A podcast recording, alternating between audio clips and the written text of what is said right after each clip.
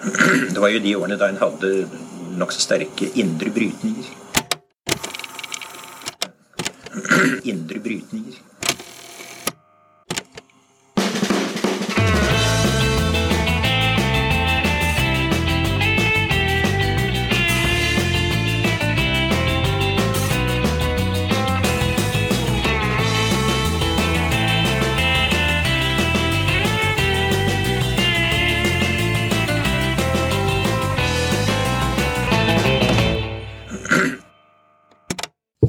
Velkommen til Noen har snakket sammen, en podkast fra Agenda Magasin. Mitt navn er Aksel Fjellavli. Og jeg heter Tiril Rustan Halvorsen. I dag skal vi snakke om penga. De eh, store pengene, Store pengene. og hvordan de fordeles. Eh, Statsbudsjettet har jo nylig blitt eh, lagt fram, men det betyr ikke at vi har et statsbudsjett som er vedtatt. Det er fremdeles up in the air. Ja. Eh, Så det vi skal snakke om eh, i dag, er litt eh, både hvordan budsjett det her er, eh, hvordan veien er framover mot et eh, vedtatt eh, budsjett, og litt hva som vil være vanskelige og enkle saker på veien framover dit. Ja, og for å hjelpe oss med det, så har vi med oss Trine Østreng, rådgiver i Agenda, men med lang erfaring fra Stortinget og SV. Og forhandlinger, da, rett og slett. Eh, Og Andreas Halse, fagsjef i Agenda. Velkommen til dere to. Tusen Takk Eh, La oss bare se på hovedlinjene i budsjettet først. da. Hva slags eh, budsjett er det vi har fått, Andreas? Altså, vi har jo et budsjett som jeg tror Finansdepartementet i hvert fall er veldig fornøyd med. Eh, det er jo ikke så rart, i og med at det er de som har skrevet det. Og så hadde vi jo et møte i Agenda i går med både Høyre, SV og Arbeiderpartiet. Og de var jo forholdsvis enige egentlig om at dette er et budsjett som treffer ganske godt på den politiske situasjonen. Eh, og det kan man se også, at det er en eh, nervøsitet for å ikke sitte stille nok eh, i båten, og hva som skjer, en usikkerhet med hva som skjer med rente, rentehevinger framover. Og så er det jo en diskusjon, og det var det jo også på det møtet vi hadde i går, om hvor mye den impulsen som kommer fra eh, pengebruken i statsbudsjettet vil ha å si på renten. Men jeg tror likevel at mange politikere være forsiktige med å pøse inn for mye eh, oljepenger i dette budsjettet, fordi fremtiden er såpass usikker. Så kan man jo også si at det er et budsjett som preges av til tross for at vi står i tider med noen ganske store utfordringer og omveltninger rundt oss, så er det ganske fritt for veldig tydelige prioriteringer fra, fra regjeringens side. Så der er det grunn til å tro at særlig SV vil ønske å sette sitt, sitt merke på budsjettet i de forhandlingene som kommer. Og, og i hvilke retninger tror du de vil sette mest eh, farge på? Tapsi? Nei, altså når man ser SV har jo ganske tydelige prioriteringer. Når man ser på hva de har prioritert i, um, i de forrige budsjettavtalene, og det handler om fordeling. At man vil fordele mer. Eh, vi har sett de siste to budsjettavtalene at det har vært gjort grep på skatt, men også grep for de som har minst i samfunnet, og øke tilskudd der.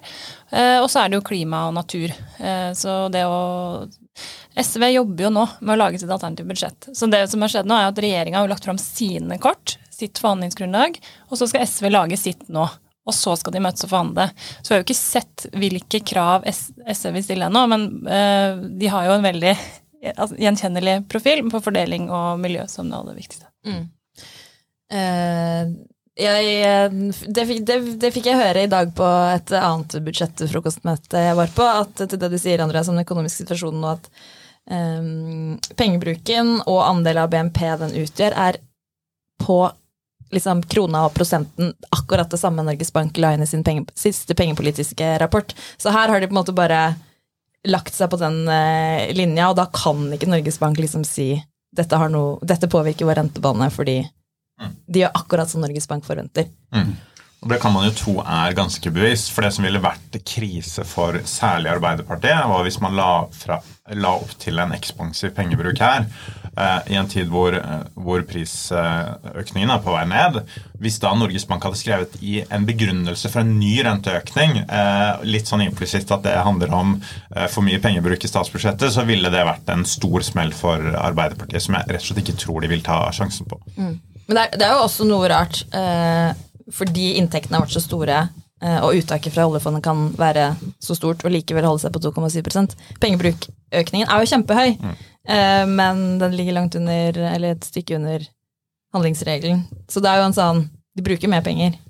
Du bruker mer penger, og det er jo en kjempeutfordring for norsk økonomi at vi baserer oss på et verdi av oljefondet som per nå er veldig høyt, og at vi har for lite produksjon og eh, for lite vekst i innenlandsøkonomien. Så det å tro at det her er liksom en evig løsning på problemene å bruke, gå fra 400 milliarder i år til 500 til 600, det, det er nok en kortsiktig tankegang. Så det her er jo et av de første budsjettene på ganske lenge hvor politikerne må eh, Selv om det ikke er så store prioriteringer her, så tror jeg det begynner å synke inn en erkjennelse om at det blir vanskeligere framover. At vi kan ikke bare bruke mer penger på alt vi vil eh, hver gang. Det blir eh, tøffere i norsk økonomi nå. Mm.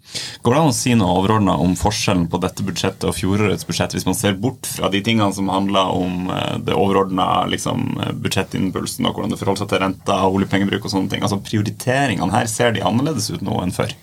Ja, altså Det er jo et helt annet budsjett på skattesida. Uh, I fjor så, så man jo at de gjorde mange store, nye, uventa grep uh, på skatt med, med, ganske stor proveny. Altså de, de flytta mye penger. Så jeg uh, hadde aldri trodd før fjorårets budsjett at de ville foreslå så omfattende skatteendringer som de gjorde. Fordi det var på et nivå man aldri har sett på Stortinget på, på mange tiår. Altså, det var mer eh, økt proveny på skatt i fjor enn det Erna Solberg kutta på alle de åtte årene hun satt i regjering. Og så var det en rekke eh, skattegrep som, som, ga det beløpet. Men, så, så, i fjor ble det jo eh, masse reaksjoner på det, og det prega hele den politiske høsten. Men nå har vi fått et budsjett som er mye mer som Andreas sier, litt mer stille i båten og egentlig lagd for å ikke skape de samme diskusjonene.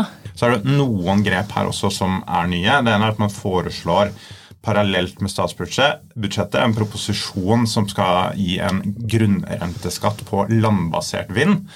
Eh, som er egentlig ganske lite penger, og som er interessant. At vi bruker nå 23 milliarder på å subsidiere eh, havvind, eh, som da ikke er mulig å tjene penger på. Mens landbasert vind, som faktisk er lønnsomt, i hvert fall enn så lenge, der lager man et ekstremt komplekst system. Uh, jukser egentlig etter mitt syn litt med grunnrentebegrepet for å dra inn noe sånt som 150 millioner kroner eh, i året. Så det, det er litt sånn underlig, kanskje.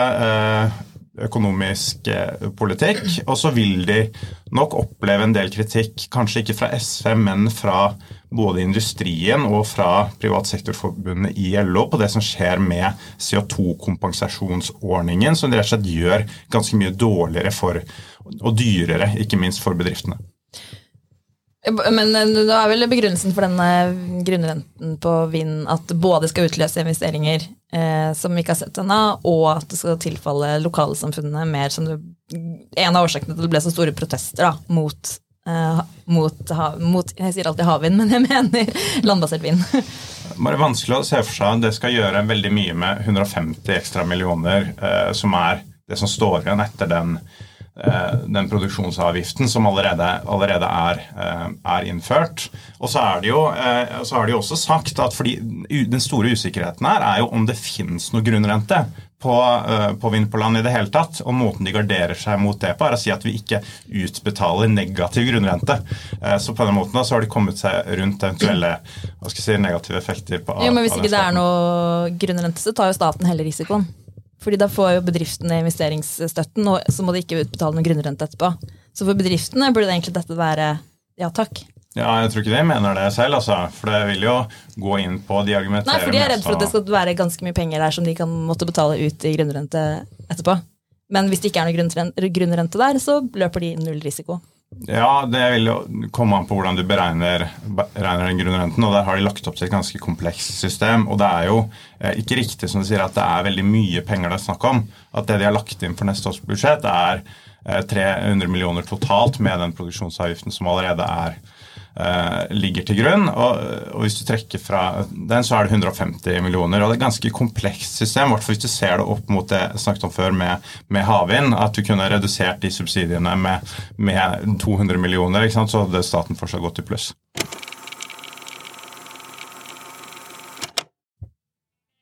Noen har snakket sammen er i samarbeid med Dagsavisen.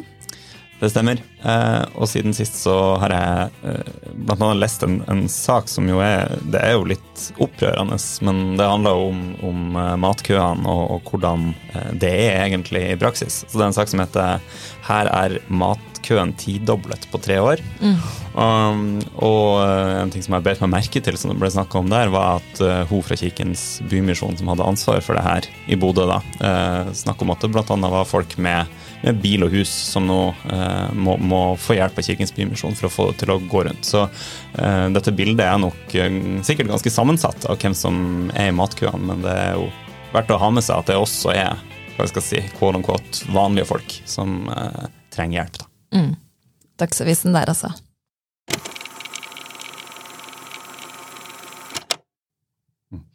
Eh, et annet tema som vi ikke har nevnt ennå, kanskje litt symptomatisk, det er jo dette kuttet i barnehagepris på egentlig 30 da, som, som, jo på en måte vi med småbarn merker eh, ekstremt godt i, i, i lommeboka. Det er liksom 1000 kroner ekstra i måneden.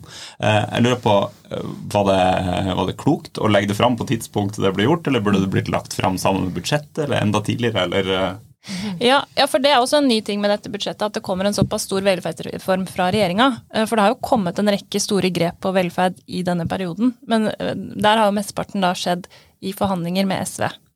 Og det merka man veldig tydelig i de partilederdebattene som var i valgkampen, og at, eh, at SV fikk mye av æren for både SFO og andre grep.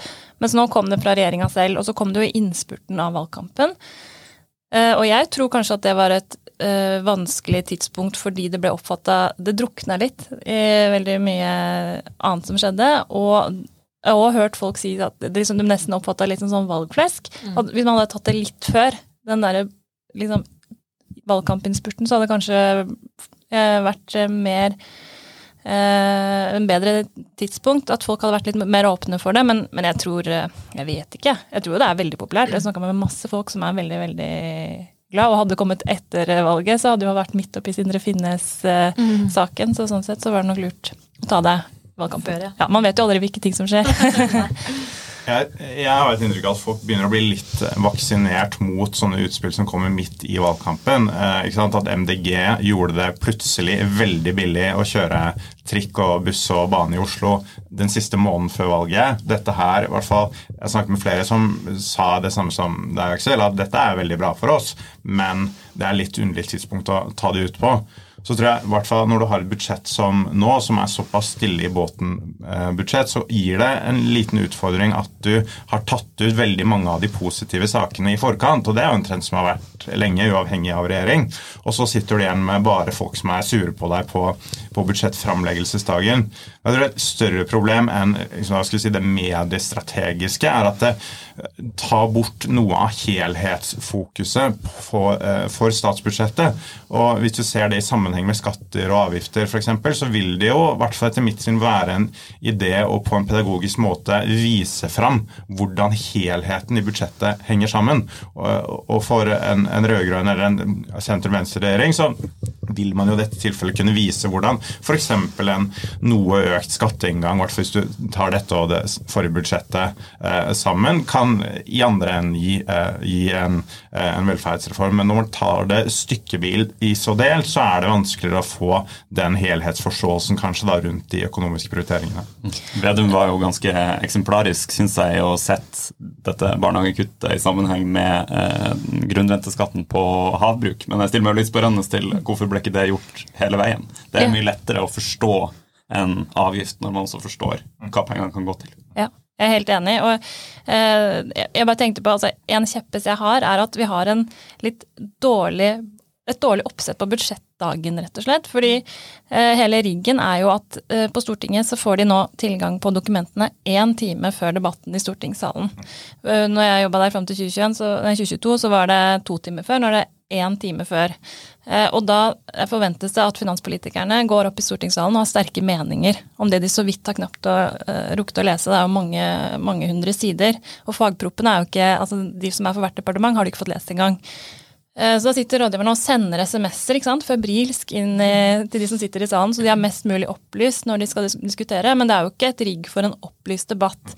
Og så sitter interesseorganisasjonene med ferdig skrevne pressemeldinger og bare og sender ut. Så det er en dag prega av liksom budsjettåke, hvor det egentlig ikke veldig mange uttalelser kommer før folk egentlig har satt seg inn i hva som kommer. Mm.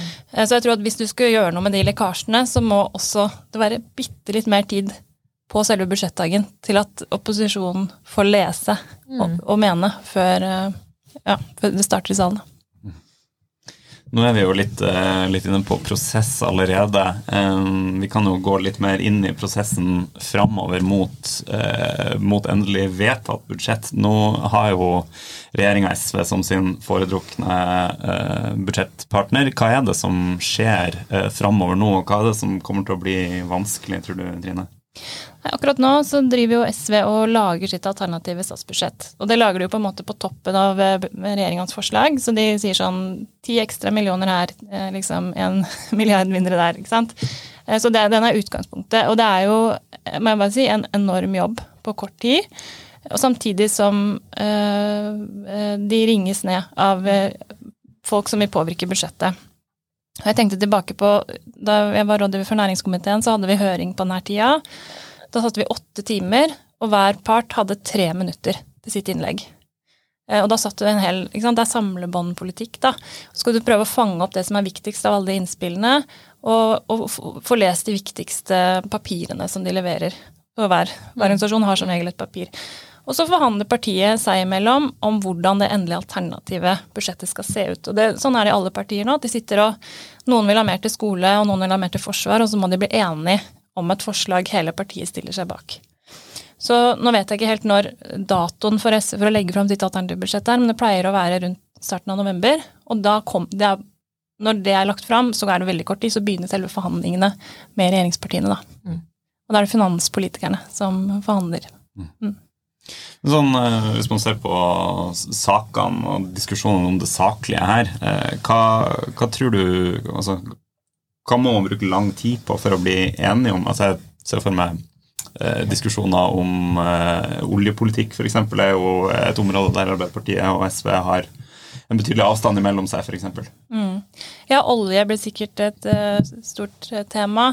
Å få til nok klimakutt er et annet. Og en utfordring her er jo at man eh, skal, skal, finne en politikk som setter Norge i rute til å nå klimamålene. Eh, og da må man bruke et sett med virkemidler. Både liksom budsjettet, men også anmodningsvedtak. Og, og vite sånn cirka hvor mye kutt et sånt anmodningsvedtak eller en budsjettpost fører til. Det er jo kjempekomplisert. Så har det blitt litt lettere nå. Nå har fått den grønne boka, som er et eget hefte i budsjettet som man har begynt å komme med, som sier noe om regjeringas plan for å nå klimamålene. Men, men det, er, det, er, veldig tekniske ting. Og veldig ofte så sitter man da og filer på forslag og sender til departementet og får fagvurderinger der, og så kommer det tilbake til forhandlingsrommet. Så man jobber med å finne eh, pakker da, som gjør at det går opp på, på klima, og at det blir nok eh, klimakutt. Og så tror jeg eh, bistandsprosent blir en viktig ting. Skattepolitikk og fordeling. Ytelser. Altså det er mange ting som, og ofte så jobber man med helheten. så Det er ikke sånn at man liksom lander hele Eller det, vet jeg ikke hvordan det er nå, men jeg ser for meg at hele pakka justeres hele veien helt til mål. da. Mm. Mm. Ingenting er klart for alt er klart. Ja. Eh, men Andreas, sånn som du leser det politiske landskapet nå, hva er det regjeringen kan gi på, og hva er det de absolutt ikke kan gi på, tenker du? Jeg tror for det første det kan hende det er naivt, altså, men jeg tror ikke dette blir historiens vanskeligste budsjett å bli enige om. Altså, som jeg leser så er det ikke noe sånn det er ikke noe sånn stort ønske om eksperimentering i noen retninger, egentlig, i noen av partiene. Jeg tror jeg oljepengebruken bør ligge fast, med unntak for noen mulige sånn budsjettriks som det alltid er mulig å komme med. Der tror jeg eh, Trine har rett i at den bistandsprosenten Det mangler kanskje 3 milliarder på å nå opp dit. Eh, det vil være en enkel ting, for da vil man kanskje kunne argumentere om at ja, vi bruker litt mer oljepenger på det, men det er penger til utlandet, så det påvirker ikke renten. At den type argumentasjon er jo vanlig for å løse, løse floker som er viktige for partiene så er jo argumentasjonen så jeg husker det riktig sist, for at man ikke nådde bistandsprosenten, var jo at norsk BNP hadde blitt så stort, så man hadde ikke prosjekter. Man klarte rett og slett ikke å utbetale pengene til, til saklige ting. Nå har de jo hatt litt bedre tid, tid på seg, og det er ikke så, eh, så, stort gap. Så jeg tror egentlig det er god sjanse for at det lander greit. Og så tror jeg det vil bli vanskeligere i eh, skatte. At jeg tror det er stor sjanse for at SV får gjennomslag for noen symbolske grep, men det er veldig vanskelig å gjøre store grep der fordi si, fordi det koster veldig mye penger å gi eh, skattekutt til folk som tjener eh, som tjener normale inntekter. Sånn, mens du får ikke så mye, så mye eh, igjen for å gi skatteøkninger på toppen at det er ganske lite penger. Så det er ganske store grep som må, må til. Og så vil kanskje også noe av eh, spørsmålet om liksom, ulike trygdeytelser bli, bli, krevende. Der har jo Tonje Brenna markert en ganske sånn hard eh, linje for Arbeiderpartiet sin del, med at nå skal vi prioritere tiltak som får folk i jobb, eh, mens SV har en litt, litt annen tradisjon. Eh, så der kan det jo se for seg at det blir en og annen ytelse justeres marginalt, men å få til veldig store ting det er gitt Arbeiderpartiets posisjonering, tror jeg, tror jeg, vil bli krevende også. Og så tror jeg også de helt sikkert vil få noen, noen ting på klima. Ja, jeg er litt uenig på spådommen der, da, for jeg, jeg tror nå er, det, nå er, det, dyrtid, og veldig mange merker at mye er eh, dyrere. Og, og ikke sant, vi har rekordlange køer på fattighus og sånn. Og det å ikke da få til noen store grep på, på ytelse tror jeg blir veldig, veldig vanskelig. Ja, jeg tipper det vil jobbe for å få til det. Jeg tror i hvert fall at det som vil bli avgjørende, er jo å finne ut hvem som står i de eh, køene. Om det er folk som er på trygdeytelser, eller om det er eh, flyktninger. Der vet jeg at Fafo skal komme med en rapport eh, nå om en uke eller to, faktisk, som analyserer det litt nærmere. Eh, så fakta på bakken vil jo selvfølgelig være avgjørende. at Hvis det viser seg at matkøene består av veldig mange folk som lever på helt vanlige Eh, trygdeytelser i Norge, så vil jo det være et kraftfullt argument. Det er jeg enig i. Og så er det jo et bredere eh, problem enn bare matkøene også. Altså, vi, vi, man hører jo mange historier for tida om folk som går på, på, på disse ytelsene, og som sliter med å, som å hoppe over et måltid f.eks., eller ikke har råd til å sende barn på, på fritidsaktiviteter. Så, så, jeg tror veldig bra med mer kunnskap og, og kartlegge hvor de største utfordringene er. Og så tror jeg at den politiske forventninga på venstresida for å, å gjøre mer på, på heveytelser er så stor at jeg tror det kommer til å være en del av uh, avtalen. Mm. Mm. Nå er det jo eh, litt utskiftinger på uh, personellsida uh, i partiene. Mye partiledere og, og, folk som skal forhandle. Hvor mye har det å si? Altså det, dette er jo en avtale og en prosess basert på tillit, til syvende og sist. Mm. Nei, jeg tror, altså for, for, det første så tror jeg det er veldig riktig at personkjemi i et forhandlingsrom er veldig viktig. Eh, og så er det jo Nå har jo Senterpartiet en ny person eh, inn i finanskomiteen som forhandler, og det, det, kan jo påvirke dynamikken, selvfølgelig, men jeg tror så mye av riggen rundt nå er litt sånn satt. Så jeg vet at det vil gå veldig, veldig fint. At er, man er vant til å forhandle sammen, men det, det er vanskelig å si. Jeg tror vi må spørre noen av de som er i de rommene nå, rett og slett. Ja. Vi må snakke litt om det som kalles eh, verbaler eller eh, anmodningsvedtak. Altså, det høres ut som en litt teknisk greie, men egentlig litt vesentlig for å forstå disse forhandlingene mellom SV og, og Arbeiderpartiet. Fordi eh, I utgangspunktet er jo dette en forhandling om penger. Altså hvordan skal pengene i budsjettet forhandles. Men så er det altså da en liste med forslag som også har vært i de siste omgangene en, en, en del av budsjettenigheten, som ikke nødvendigvis eh, handler om penger. Hva, hva er det et uttrykk for? Mm. Ja, eh, ja, jeg tenker at det er kjempebra at vi snakker om anmodningsvedtak, for det er sånn underdiskutert ting i norsk politikk. Eh, litt nerdete, men, men, viktig. Og det, altså, på budsjettsida så handler det om at når man har inngått en avtale, så har man tallene. Eh, men så legger man også ved et dokument som er disse verbalene, hvor Stortinget ber, Stortinget ber regjeringa gjøre ting. Og det er ikke nytt at uh, budsjettforlik inneholder både penger og verbaler, men det har, nok vært en økning i antall verbaler uh, de siste årene, og særlig nå i den situasjonen vi har nå. Og så har det også vært en utvikling på Stortinget om at antall anmodningsvedtak totalt i løpet av liksom en sesjon på Stortinget har også økt veldig. Og det henger nok sammen med at vi nå har Eh, min, mye mindretallsregjeringer, og perioder med flertallsregjeringer så er det veldig mye mindre av det. Eh, men det, måte, det blir på en måte mindretallets måte å styre regjeringa på, og be de gjøre ting. Eh, og så er det juridiske debatter om hvor rettslig bindende de er. Eh, det er det nok ikke, det er mer politisk bindende. Men eh, hvis regjeringa ikke gjør det Stortinget sier, så svekker det jo tillitene mellom regjering og storting. Vi, la, la, oss diskutere litt anmodningsvedtak generelt. Men, men, jeg har bare lyst til å eh, zoome litt inn på disse anmodningsvedtakene i budsjett eh, budsjettdokumentene. Hva, hva, er det de typisk inneholder? Hvordan tema, liksom? Hvordan ser en liksom, Hva er det overordna bildet av det som har kommet ut av forhandlingene i de siste omgangene? Ja, eh, jeg printa den forrige budsjettforliket for å ha det foran meg når vi snakker om det. fordi det er jo alt mulig rart, ikke sant. Um, et av de handler om at regjeringa skal sende ut et Eh, høringsforslag om barnehagetilbud i kommunene. Det handler om hvordan gratis SFO skal innrettes. Det er noe som handler om regulering av private aktører i barnevernet. Eh, så det er smått og stort. Ofte så Man kan be regjeringa sette ned et utvalg som skal se på noe. Eh, mange av de handler også om klima. Og der er de ekstra viktige. For å, for å få Eh, for å vurdere den hele klimaprofilen på en budsjettavtale, så må man både se på tabell og på de verbalene. Og da har man jo hatt en rekke enigheter de siste avtalene som, som sier noe om hvor det skal kuttes i utslipp, og, og, når. Og nå, når vi fikk budsjettet for i år, så rapporterte jo regjeringa på hva de hadde gjort på alle disse anmodningene, både fra i fjor og i forfjor. Og da ser vi jo at en del blir fulgt opp, en del blir ikke det. Og det får jo konsekvenser for klimaeffekten fjorårets budsjett egentlig hadde.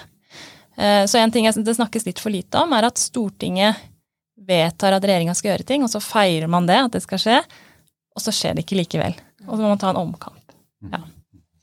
Men eh, når jeg snakker med både venstrefolk og SV-folk, eh, når de argumenterer for hvorfor deres parti bør gå inn i regjering, så er jo et viktig argument at de da er med på prosessen rundt klima og miljø, og kan eh, sette ned foten inne i forhandlingsrommet og, og, og, si dette skal vi ikke gjøre, og sånn sett bokse litt høyere enn det kjøttvekta skulle tilsi da, for, eh, for et lite parti. Er eh, altså du, du, sier at mange av disse anmodningsvedtakene handler om klima og miljø. Er det et uttrykk for at eh, SV på en måte forsøker å få det man ikke får ved å gå inn i regjering, liksom? Ja, det er jo øh, når det, når det handler om gjennomslag på klima, så er det jo fordeler og ulemper med å være i, i regjering. Er du i regjering, så er du jo tett på alle prosessene. Du har embetsverket tett på, du, du styrer forskrifter. Eh, og jeg har hånda på de dokumentene som kommer til, til, Stortinget. Så det er klart at det er masse styringsfordeler der, gitt at du har en regjering som, som er villig til å innføre de tiltakene. Men det du også får, er jo lukka, diskusjoner i lukka rom med de andre partiene som er i regjering. Og hvis du er et parti som er vesentlig mye mindre enn de andre, og de andre ikke er like opptatt av miljø, så kan det, være ganske tøffe diskusjoner. Det som er fordelen gjennomslagsmessig med den posisjonen man har nå, er jo at diskusjonene kommer åpent at Stortinget legger fram på en måte, nei, at regjeringa legger fram på en måte sitt bud i det åpne. Og så ser miljøbevegelsen og fagbevegelsen og, folk rundt det. Og så ser man hva eh, SV da foreslår nå, og så, og så, ser man hvor det lander. Man ser hvem som hadde ansvar for hvilken del av det resultatet. Eh, det er nok eh, vært Ja, så det er en viktig dimensjon her. Men når det gjelder anmodningsvedtakene, så er det et forsøk på å påvirke direkte og styre. Det er Stortingets virkemiddel for å styre regjeringa. Mm. Så hvis du tar de verbalene i budsjettet rent spesifikt, så er det en veldig effektiv måte å smøre budsjettene på. Eh, fordi partiene har jo også eh, et behov for å vise fram til både sine egne politikere og sine egne velgere at man har fått gjennomslag. Og Da kan man jo vise fram at se, her står det svart på hvitt at regjeringen skal gjøre dette. Og Det er jo veldig lett å selge, selge, som en seier, og hvis det da ikke følges opp, sånn som ofte skjer, som Trine er inne på, så er jo ikke det en smell som kommer før senere. Ja, og Det vil jo gå utover tillit i forhandlingene på sikt. og det er, det er, jo veldig viktig for det her samarbeidet at regjeringa følger opp de anmodningsvedtakene.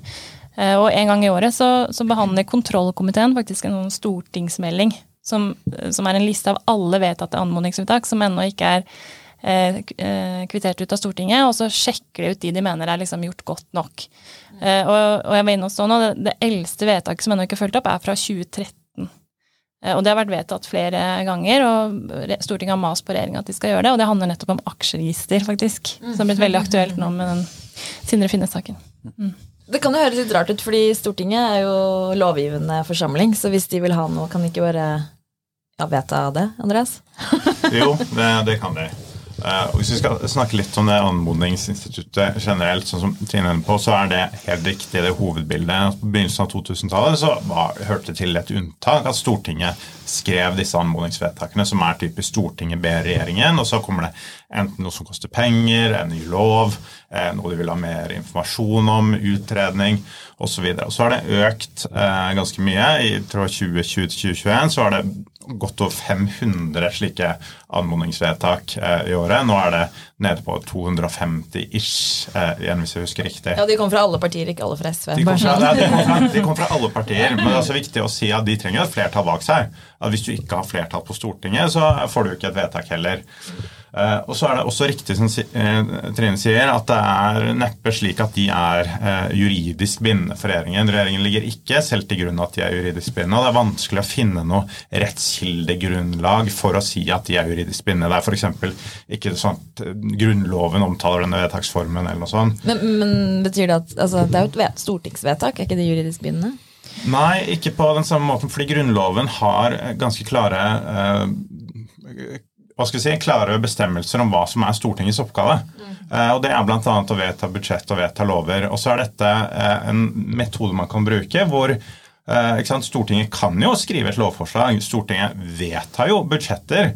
og så er dette hvis man, hvis man ønsker gjennomslag på en annen måte, f.eks. For fordi man opplever å ikke ha kompetanse, at ting er tidkrevende, man trenger mer kunnskap.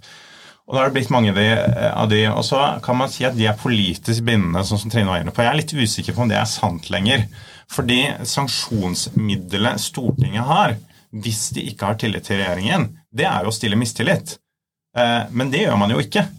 Eh, at Det har jo vært en lang tradisjon om at disse, mange av disse vedtakene ikke blir fulgt opp.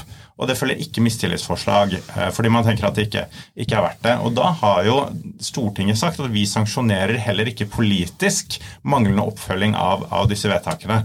Så jeg tror også at det har gått litt inflasjon i disse vedtakene som gjør at hvert enkelt vedtak nå blir mye mindre verdt. Kan man spørre seg hvor, eh, hva er det denne utviklingen stammer fra?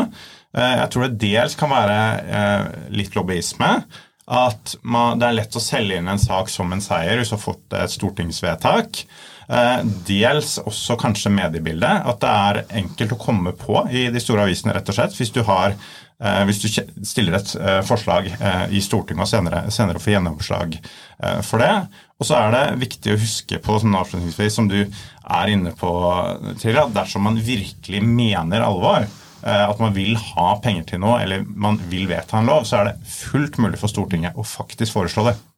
Ja, og det gjør det jo eh, jevnlig. Altså Stortinget vedtar jo eh, foreslår egen, egen lovtekst også jevnlig, men det er, det er, mye sjeldnere enn de her eh, anmodningsvedtakene. Men jeg tror det som altså Tidlig på 2000-tallet så var det færre anmodningsvedtak, men det var også en eh, klarere forventning om at alt skulle følges opp samvittighetsfullt, og det var sterkere reaksjoner når det, når det ikke skjedde. Og nå, nå, tror jeg at man har fått mange flere anmodningsvedtak, og så har det vel så tror jeg regjeringen har sett at ok, de har ikke klart å fullføre alt, og så har det på et vis gått. Uh, men uh, det gjør jo noe med tilliten til prosessene. Og, og, jeg husker veldig godt et anmodningsforslag som vi fikk gjennomslag for da jeg jobba på, på, Stortinget, som handla om før vi fikk uh, grunnrente på laks, så foreslo vi en sånn produksjonsavgift på, på, på laks. Eh, og da var tanken å lage et så konkret vedtak som mulig eh, for at det skulle innføres i neste budsjett. Så vi vet jo liksom hvor mange eh, øre per kilo laks skal selskapene betale i produksjonsavgift fra neste år. Og vi tenkte at det anmodningsvedtaket var så presist at her må bare Per Sandberg, som var fiskeriminister, da gjøre som Stortinget har sagt. Mm. Og så kom statsbudsjettet, og så sa de at vi vil ikke innføre dette fordi det er i strid med prinsippet i regjeringserklæringen om et vekstfremmende skattesystem. Og det tenker jeg var ganske freidig gjort av regjeringen, å på en måte sette regjeringserklæringa til en mindretallsregjering over Stortingets flertall. Men det valgte de å gjøre. Og da er det jo opp til Stortingets flertall da, å vurdere er det greit eller ikke. Mm. Men så har kanskje de anmodningsvedtakene som, som er del av en sånn budsjettavtale, de har kanskje en litt annen politisk status, fordi der finnes det jo et politisk sanksjonsmiddel som er at man bryter samarbeidet. Mm. Det, det, gjelder jo ikke generelt for anmodningsvedtak. Mm. Absolutt, og så kan man kreve mer gjennomslag på penger da, neste år. Hvis man ser at de anmodningsvedtakene ikke er verdt noe, så vil man jo kreve mer forflytning av penger. Jeg tror det også kan være de budsjettavtalene er et godt poeng, Aksel. For det tror jeg kan være en grunn til at det kommer eh, generelt mange anmodningsvedtak. At man forplikter seg, typisk en samarbeidsavtale til samarbeid om budsjett. Man forplikter seg ikke til å være enig i alle andre saker, så alt du ikke prioriterer inn i budsjettforhandlingene, kan du jo bare foreslå løst gjennom året. Og så er det eh, nå blitt såpass lite forpliktende at det er ikke så stort problem å, eh, å stemme for. Og så er to ting, eh, nyanseringer til det Trine er inne på med, med, det ene er med lovvedtak. at Det er, følger jo nå av og etter mitt syn, arbeidsformen til Stortinget. At det er regjeringen og departementene som gjør så å si hele lovarbeidet. Mm. Det er i eh, et veldig lite antall av de lovproposisjonene som kommer fra regjeringen, så skjer det endringer fra, eh, fra Stortinget. Og den grad det skjer endringer i selve lovteksten, så er det veldig marginale, altså små endringer. Eh, mens den klare, klare majoriteten av forslag og innhold i lovforslag, det glir rett og slett helt eh, uforandret gjennom. Og jeg tror heller ikke Stortinget har eh, kapasitet til å gå inn, inn i alt det her.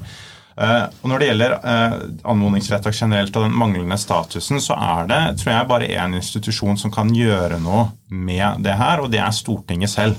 Jeg tror de ville eh, gjort klokt i å disiplinere seg og foreslå veldig mye færre av de, og heller legge mer tyngde bak i at de faktisk skal følges opp.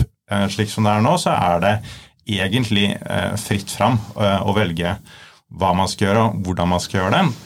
Med mindre det er helt spesielle politiske situasjoner som, som gjør at dette har et, eh, et, ekstra stort trykk. Så det er jo det er jo Stortinget som tross alt har i oppgave etter Grunnloven å gjøre mesteparten eh, av denne jobben, både i form av budsjettvedtak og, og lovvedtak. Men så velger man aktivt å outsource, eller ikke outsource, men å dele den jobben eh, med regjeringen. Og den arbeidsfordelingen kan jo Stortinget endre akkurat når de vil, dersom de ønsker det. Men du var jo inne på det at de ikke har ressursene til det i dag, og må belage seg på departementene. Må man gjøre noe med det, da? Eller hvordan, hvordan skal man komme rundt den mangelen?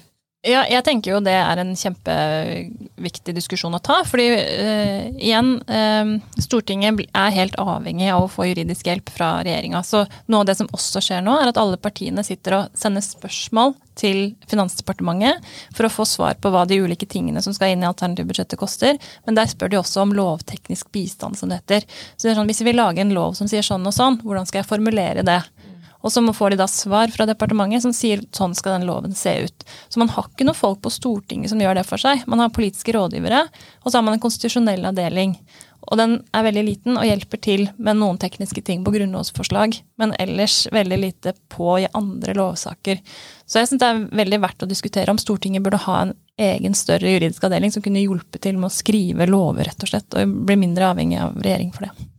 Ja, altså, jeg tror ikke den arbeidsfordelingen mellom storting og regjering i seg selv er negativ. Og det er også en arbeidsfordeling som følger av Grunnloven. At de som har rett til å fremme lovforslag, er medlemmer av regjeringen eller, eh, eller Stortinget. Og så er det mye kompetanse i departementene. Det Stortinget har tilgjengelig, er noen instrumenter, som Trine sier. Man kan spørre departementene om hva som helst og få svar på det. Eh, man har en utredningsseksjon på Stortinget, som ikke er så mange, men som eh, etter mitt syn er veldig dyktige dyktige folk.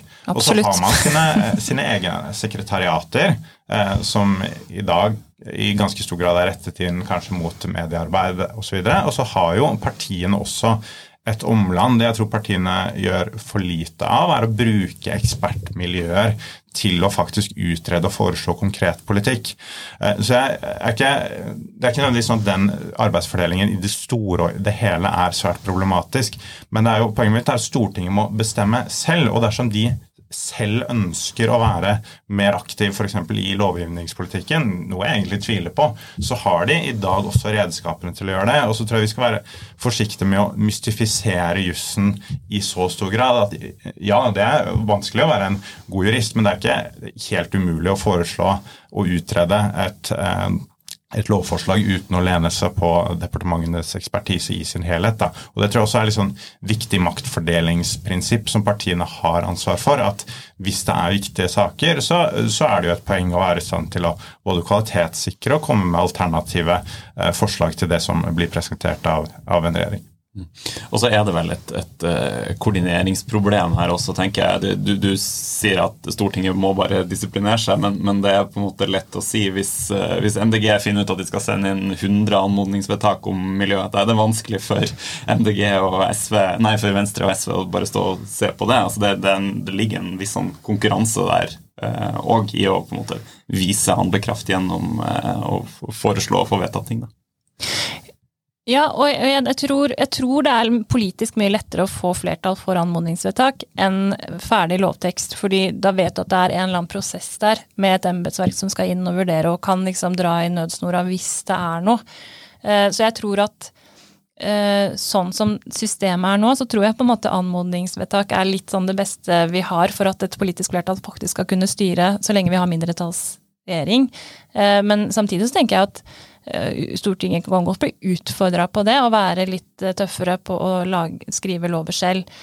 Også på grunnlovsforslag, da, som man eh, behandler i kontroll- og konstitusjonskomiteen, så er det jo litt sånn som du skisserer, Andreas, at partiene bruker fagmiljøer i omlandet av partiene for å få hjelp til å lage de grunnlovsforslagene. Og det er jo eh, forslag som på en måte vil veie veldig tungt inn i lovverket hvis de får flertall. Men jeg opplever nok at eh, ja, det er veldig dyktige folk som er på Stortinget nå, men at likevel at de eh, prosessene for å kvalitetssikre de grunnlovsforslagene, sånn at kontroll- og konstitusjonskomiteen vet hva de gjør når de behandler de, er altfor svak. For du, du, har ikke de høringsprosessene som du har på andre lovforslag, f.eks. Så jeg kunne tenke meg at man fikk på plass en bedre rigg for å kvalitetssikre det, da. At det ble litt mindre tilfeldig. Ja, det, det har du et godt poeng i. Og Stortinget har jo et høringsinstitutt også som de kan velge å benytte seg av. Jeg tenker dels at man, Det også handler om å bruke de virkemidlene som, som man faktisk har. Uh, og så tenker jeg på det du sier, Aksel, at det er åpenbart en utglidningseffekt. At hvis Rødt og MDG fremmer 100 forslag, så er det krevende for resten av opposisjonen. I hvert fall hvis de vil være med i Dagsnytt 18. Eh, men jeg, jeg, tenker jo også i mitt naive sinn at vi har stortingspolitikere som snakker ganske godt med hverandre. Så hvis man i fellesskap mener at anmodningsvedtak skal ha en reell politisk betydning, så vil det være mulig å sette seg ned og finne ut av det her litt mellom eh, partiene. At man har jo tradisjon for å ha litt sånn gentlemen's agreements på andre områder også. Så jeg tror ikke det er en umulig oppgave. Men jeg er ikke sikker på om Stortinget ønsker det, hvis du ser det fra partienes ståsted, i hvis du er i opposisjon, så er jo ikke nødvendigvis målet å få gjennomslag for mest mulig politikk. Det er jo typisk Målet er jo å komme eh, altså gjøre et bedre valg neste gang og få din side i regjering, kanskje. ikke sant? Så det, så det er ikke gitt at den måten de gjør det på nå, er er dårlig for partiene, og særlig ikke partienes eh, oppslutning. At det er noen som er mestere i å sette, sette dagsorden med å ha skrevet ikke akkurat gjennomutredede forslag som de leverer inn i en eller annen form, form til Stortinget. Men det som er en kjensgjerning, er at dagens praksis utvanner betydningen av de anmodningsvedtakene fordi det ikke ligger en reell politisk sanksjonsmekanisme bak. Mm. Og så bare, Det er vel um, også sånn at uh, man man får et eh, ofte et svar som ikke alltid er eh, 'ja, det gjør vi', men også 'dette dette er ikke mulig pga. det og det', og det aksepterer mm. man. Ja. Også bare for ikke liksom danne et inntrykk av at alt bare blir til. Ja. Eller mm. ikke følges opp i det hele tatt. Men mye ja. følges opp og settes mm. en strek for av en, med en eller annen argumentasjon. da, God eller dårlig. Ja, og det som er en gjenganger i årets budsjett, for eksempel, er jo at, med de som ikke følges opp, er jo at man har ikke kommet langt nok i prosessen. Så man kommer tilbake til Stortinget på et eller annet tidspunkt. Enten året etter det man ble enige om, eller, eller så fort som mm. mulig. Så, men, men, jeg tror i hvert fall at det, jeg tror det er mye frustrasjon da, blant de partiene som har fått flertall, og så ser de at det ikke blir noe av. Og jeg tror det eh, er med å på en måte undergrave tilliten til politikk også. For jeg tror folk har en forventning om at når du har valgt inn et flertall på Stortinget, og de vedtar noe, at det da faktisk skjer. Eh, og noen ganger kan det også være litt uklart om det er er det faglige grunner? Er det liksom at det ikke er mulig? Eller er det politisk motvilje som gjør Altså den overgangen mellom politikk og embetsverk kan også være litt sånn uklar når du skal skjønne hvorfor noe har stoppa opp mm. i systemet. da. Mm. Mm. Og det må jo også gjøre noe med ressursbruken i departementene og regjering, at de må svare på så mange mm. vedtak og, og spørsmål. Mm. Ja, og de gir jo, det var Trine men de gir jo årlig ut en, en beretning, eh, regjeringen, om hvilke anmodningsvedtak, eller alle anmodningsvedtak, og hvordan de er fulgt opp, eventuelt ikke fulgt opp med tilhørende langdrøye forklaringer på enten en eller Tidvis spennende lesning. Ja, det, det, altså, ja, det er spennende lesning for uh, de som jobber i en tankesmie. Eh. Men, men eh, jeg tror også det er det, er jo eh, Jeg forstår at det er frustrerende å ikke få, eh, få vedtatt noe du har fått gjennomslag for på Stortinget, men jeg mener likevel at det ansvaret må fordeles litt fordi du har såpass klare prosesser på Stortinget som fører til faktisk gjennomslag med en gang. Eh, Så at de anmodningsinstituttet har jo blitt litt en snarvei også, hvor kanskje folk prøver å få gjennomslag for ting de vet de ikke får gjennomslag for i forpliktende eh, si, i forpliktende former. Og sånn har jo litt av arbeidsformen blitt også. Hvis du ser på samferdselspolitikken, det er en haug av prosjekter du, som er kjempelett å få gjennomslag for på Stortinget, og store oppslag i lokalavisen og bløtkake og sånn, men det betyr ikke nødvendigvis at tunnelen din faktisk blir eh, bygd. Så det handler også litt om i hvilken grad Stortinget tar seg selv på, på alvor da, som, som overordnet styringsorgan i Norge. Ja, kanskje vi må ta en egen episode om Nasjonal transportplan. Ja, den blir lang, tror jeg. Veldig bra. Ja, vi får se om pendelen svinger litt tilbake. da. Det kan jo skje når det har blitt en eksplosjon i sånne vedtak. Eh, men eh, jeg tror vi kaller det en eh, statsbudsjettepisode. Vi får gjøre det. Når er det vi får et budsjett, da? Cirka? I, eh, altså Finanskomiteen pleier å eh, bli enig i slutten av november, og da fordeler de rammene til de ulike komiteene. Og så, ja, så vi får det før jul. Ja. Får glede oss til det. En adventsgave. Tusen takk for at dere kom i podkasten. Bare gøy. Ha det.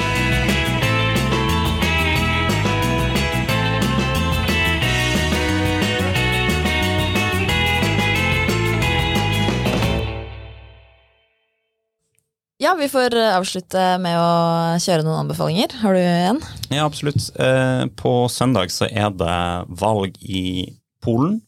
Polen er jo et land som blir viktigere og viktigere eh, både i Europa, som er på en måte det landet som ja, de, grenser til Ukraina og, og får mange flyktninger derfra, og har en politisk situasjon som har vært eh, bekymringsfull på eh, en del måter når man snakker om demokrati og, og, og eh, rettsstat de siste årene. Mm.